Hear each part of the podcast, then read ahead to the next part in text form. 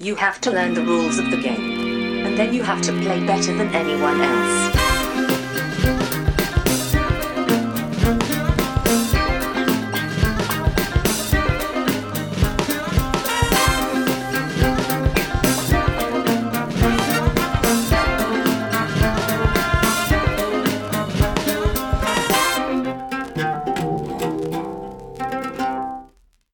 Hej och välkomna till Vems tur är första intrycket? Podden där jag och Brisse tillsammans med två till fyra mina vänner spelar ett spel för första gången och sen gör vårt första intryck av det spelet. Idag är det dock lögn igen, för jag sitter här ensam och tänkte spela ett solospel. Jag gör ju det då och då och eh, tycker det är lite kul att prata om ett spel som jag tycker verkar spännande. Och jag hoppas att kanske några av er i alla fall tycker att det kan vara intressant att höra lite mer om sånt. Idag hade jag tänkt spela ett spel som heter Vengeance. Det är från 2018, utgivet av Mighty Boards. Det är designat av Gordon Kaleja och med illustrationer av Axel Torvenius. Som är svensk och det är lite kul.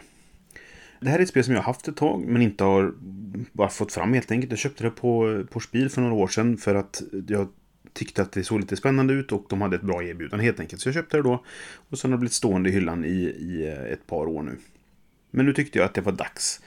Vengeance är ju ett spel som är i genren Revenge Movies. Django Unchained till exempel. Lady Vengeance kan räknas in också. Alltså att någon råkar ut för någonting riktigt illa och sen så ska de hämnas på något sätt på eh, hela gänget eller vad det nu kan vara som tillhör den här bossen då.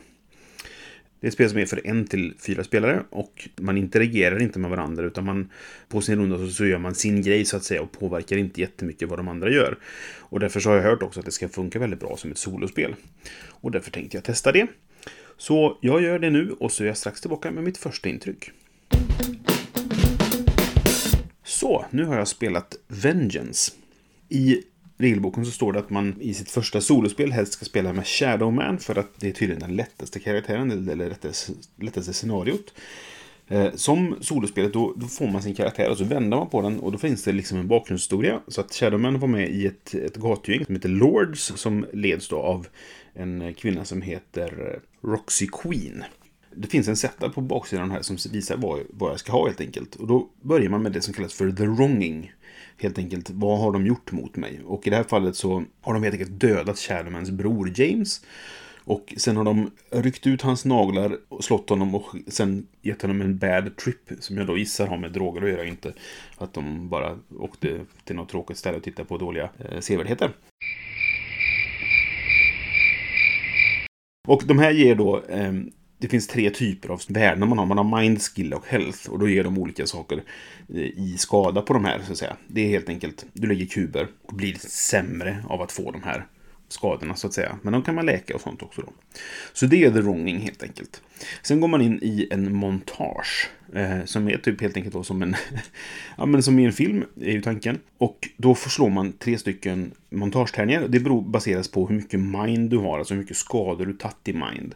Men eh, jag slog tre tärningar.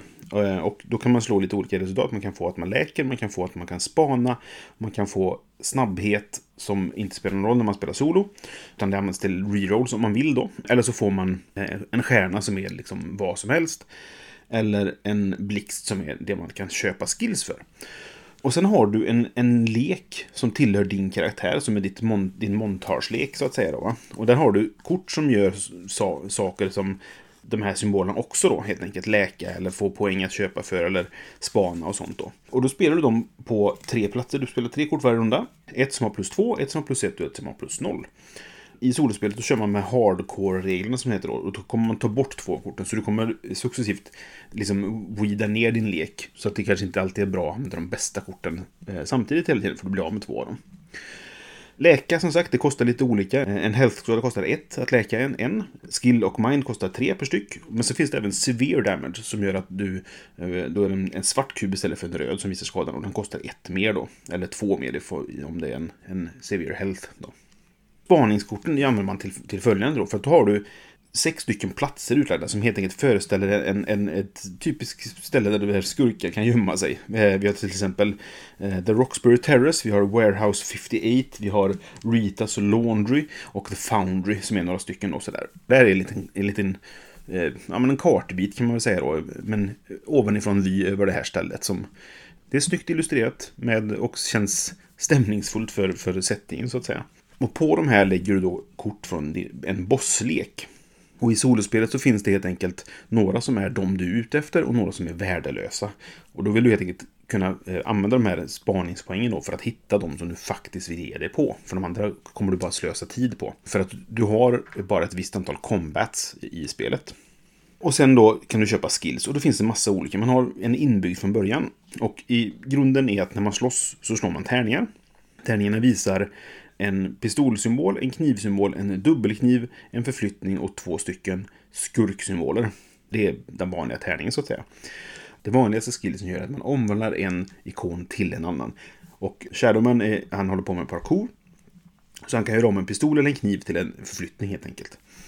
Och andra exempel som jag skaffade då var att jag kunde kasta knivar. Så att jag kunde göra en kniv till en, en pistol. Jag kunde eh, göra en charge, vilket jag gjorde att jag kunde göra en förflyttning till en kniv, eller tvärtom. Samma sak, eh, jag kan göra en pistol till en kniv också med en knife throw då. Och så skaffade jag något som heter point blank, som är att om man slår två skurksymboler eh, så får jag en pistol. Så de kan man skaffa och så finns det även item upgrades. Jag köpte även medicin som man kunde läka mellan två olika scenarion. Och jag köpte en hollow point som gjorde att en, en attack med ett, en pistol då gjorde ett medelskada. Det här köpte jag inte på samma gång då, utan det här var under hela spelets gång. Så när man har gjort första montaget, då gör man en combat. Och då vill man ju helst slåss då som sagt med någon av dem som man är ute efter. Och det kan man ju ha fått fram då genom sin spaning. Shadowman har också två stycken specialkort som gör att man revealar två stycken bosskort. Så att han var ganska bra på att spana gratis, så att säga. För att få poäng i spelet så måste du ha de här korten du fick i The Wronging helt enkelt. Där då det föreställer två stycken av underbossarna kan man säga, i den här Lords-gänget då. Och det är då Banda Boy och eh, Sisyphus. Och jag hittade Sisyphus först och den har man två kort av då. Då beror det på hur många kort man har, desto mer poäng får man för att slå ner honom då. Och sen har varje sån här kartbit ett poäng som du får ifall du lyckas wipa den så att säga. Alltså om du dödar alla som finns på kartan så får du bonuspoäng för det. Som är två, tre eller fyra då, poäng. Så jag gick in i striden. Då slår man fyra tärningar. Det är baserat på ens skill. Eh, och sen så får man eh, eh, ibland får man en grön extra tärning, men den har, ska se, den har en skurksida, den har en miss, den har en kniv, den har en förflyttning och så har den en pistolmiss. Och beroende på vart du ligger så är det antingen är det en, en miss eller en pistol och beroende på hur mycket skill du har. Så man, man ställer ut eh, figurerna. Det finns, på, på kartan så stå, visar det vilka som ska vara med. Det finns några olika sorter av skurkar. Du har dels de som tillhör gänget specifikt, då, Lords, och då har de en specialförmåga som kommer från eh, vilket gäng de tillhör. Och i det här fallet så har Lords har förmågan att de får slå först. För slår du de här skurksymbolerna på tärningarna, då får de agera. Men har du lyckats döda alla i den rutan du står så är det inga problem liksom. Annars får du skada. Men i Lords-fallet då, så de henchmen som tillhör Lords-gänget, de slår före dig. Sen finns det Tough Guys som tål två, alla andra tål ett. Det finns Gunman som kan eh, skjuta till intilliggande rutor, men de kan inte skjuta i samma ruta de står i själva. Och så finns det blockers som gör att man inte kan flytta vidare om de står kvar då helt enkelt. Och så finns det Grunts som inte har någon speciell regel, någon speciell fördel, förutom att om de är i en ruta som du skjuter in i så träffar du dem först. De är kanonmaten helt enkelt. Och sen har bossarna en förmåga då, och bossarna är här gör att de eh, de har samma förmåga som henchmen, men sen har då även Roxy Queen en specialförmåga som gör att hon gör mer skada. Kruxet är att man har tre runder på sig och en, en vanlig sån här eh, område då, den innehåller oftast tre eller fyra områden där det finns skurkar. Då finns det en regel som säger att man kan springa in i den första helt enkelt. Eh, men man riskerar att ta skada då helt enkelt. Men eh, kan man springa in och lyckas slå ihjäl alla, alla i den rutan så är det inga problem. Och sen så har man helt enkelt tre runder på sig. Är du inte klar då med att spöa bossen så måste du fly. Och har du inte tömt allting så får du inte de här bonuspengen då. Annars löser man helt enkelt in de korten du har, Vengeance-korten heter de då, fram, som du har framför dig. Om du lyckas slå ner bossen. I det här fallet så slår jag ner Sisyfos och då får jag fyra poäng för jag har två sådana kort. Annars hade jag fått två poäng ifall jag har bara ett då. Och sen drar man ett gratis sånt. De kan även dras för bonuspoäng som man kan låsa upp då. Eh, man kan låsa upp helt enkelt. Eh, om man tömmer en viss ruta på den här så finns det en, en på varje kartbit så finns det en, en eh, markör som visar en, en stjärna. Och den kan du helt enkelt använda antingen i din, ditt montagefasen eller för att köpa extra vengeance-kort. Så efter en combat så är det ett montage igen. Och då gör man samma sak som det första. Sen kommer det två combat-rutor utan montage emellan. Sen är det ett montage till.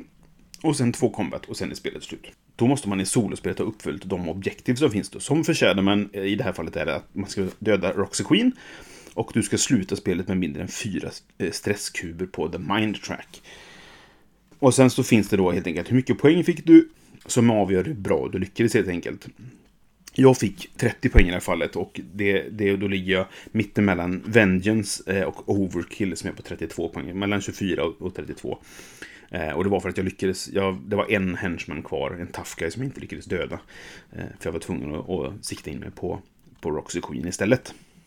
Så, vad tycker jag om det här då? Jag tyckte att det här var riktigt roligt. Jag tycker att de lyckas så bra det går, kan man väl säga, att få det här att kännas som en, en typisk sån här revenge movie. Som, ja, men, som Old Boy till exempel. Då. Eh, eller John Wick är ju en favorit för mig faktiskt. Jag gillar den här typen av filmer. Eh, och John Wick är fantastiska på sitt over the top sätt om man säger så. Och det är det här också, för man går in och så vevar man och man skjuter och man, det, man bara dödar och dödar och slår ihjäl folk. Och ju fler olika liksom skills man har, desto roligare blir det, för mer så kan man göra. Och det mesta handlar egentligen om tärningmanipulation då, helt enkelt. Jag, jag, tror att det var första gången jag spelade så jag köpte kanske inte optimalt då. Men jag slog ju ganska ofta att, att de skulle få två så här skurkar så jag fick en extra pistol. Och så kunde jag göra pistoler till knivar och tvärtom. Och jag kunde göra knivar till förflyttning och tvärtom. Och det lyckades. Så att jag fick 30 poäng. Det var eh, två poäng från att få högsta skåren så att säga. Och det berodde mycket på att jag för att jag inte dödar den där sista Tafkajen då. Det som händer är att man får nya vänjeskort, då får man dem på handen. Och spelar man ut dem för att kunna slå ihjäl de skurkarna då, då händer ju den här, alltså det som hände i The Wronging igen då. För att då, det, det simulerar ju helt enkelt att, att den här kom undan och lyckades... Du, du lyckades inte döda honom eller henne. Hen kom undan och du sen spårade upp dig och gjorde något mer mot dig då liksom. Och sen kan man döda dem för gott och för man lyckas hitta dem igen till exempel. Roxy Queen eh, borrade mig i huvudet till exempel efter att jag hade dödat Sisyfus och så vidare. Och då får man ju mer skada och mind och stress och, och sådana här saker då. Som man kan läka under montagefasen och så vidare. Men som sagt, jag tycker att spelet har väldigt mycket flavor. Alltså mycket, temat känns starkt i spelet.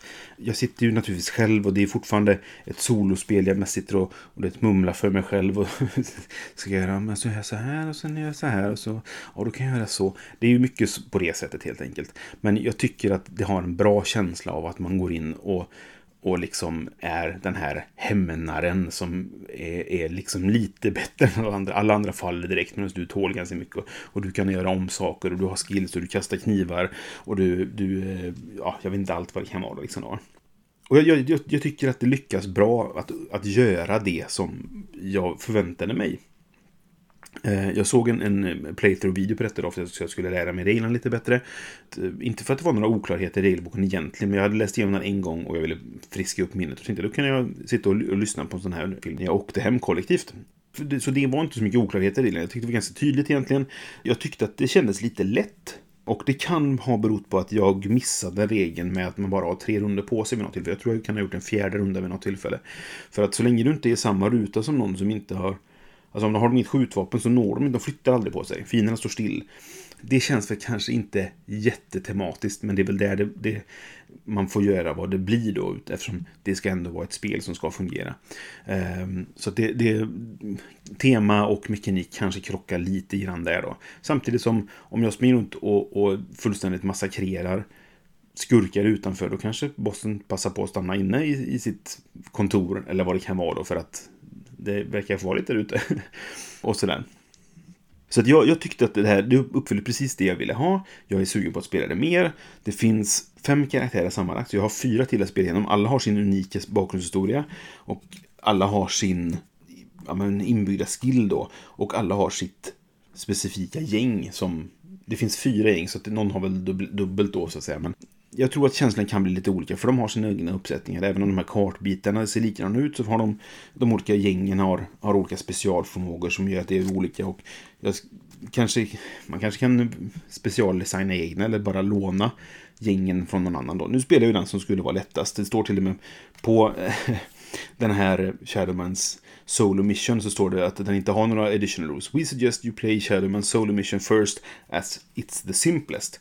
Så jag blir ju sugen på att testa någon av de andra nu då. Det finns en, en punkarkaraktär till exempel som jag gillar skarpt hur figuren ser ut liksom. Och ja, det har jag ju faktiskt inte sagt. Det, här är ett, det finns ju figurer med i det här spelet. Det finns ganska mycket för att du har två olika sorters henchmen. Du har blockers, du har de här gunmen, du har tough guys.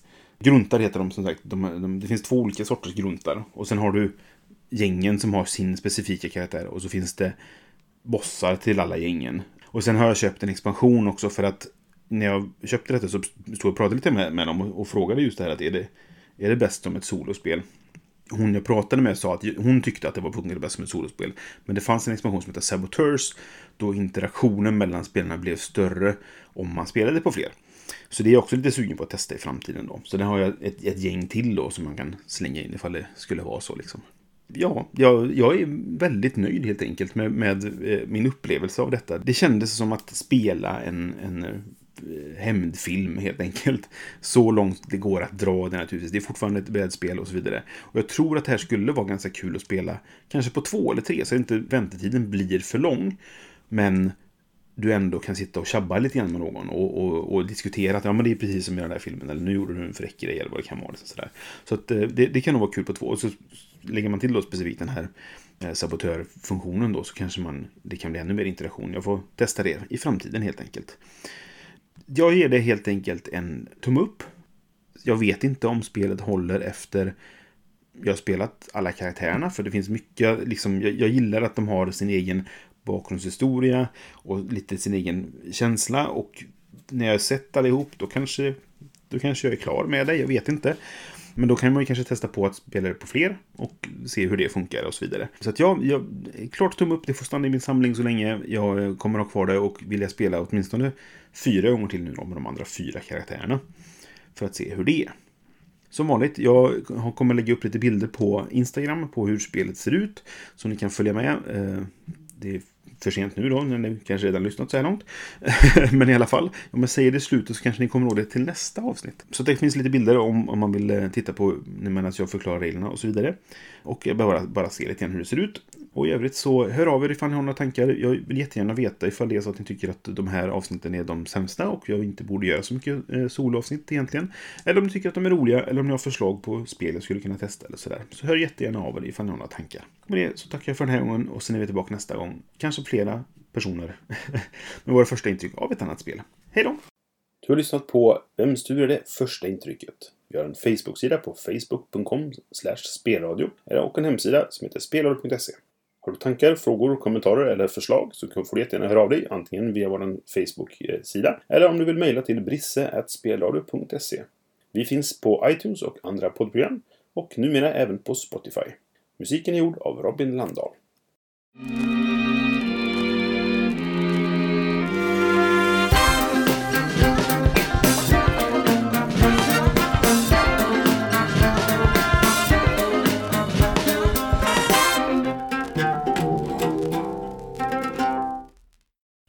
Är det lite melodi som man kan klippa bort eller in eller bort eller fram eller tillbaka. Hej, hej, hej. Så, tjo!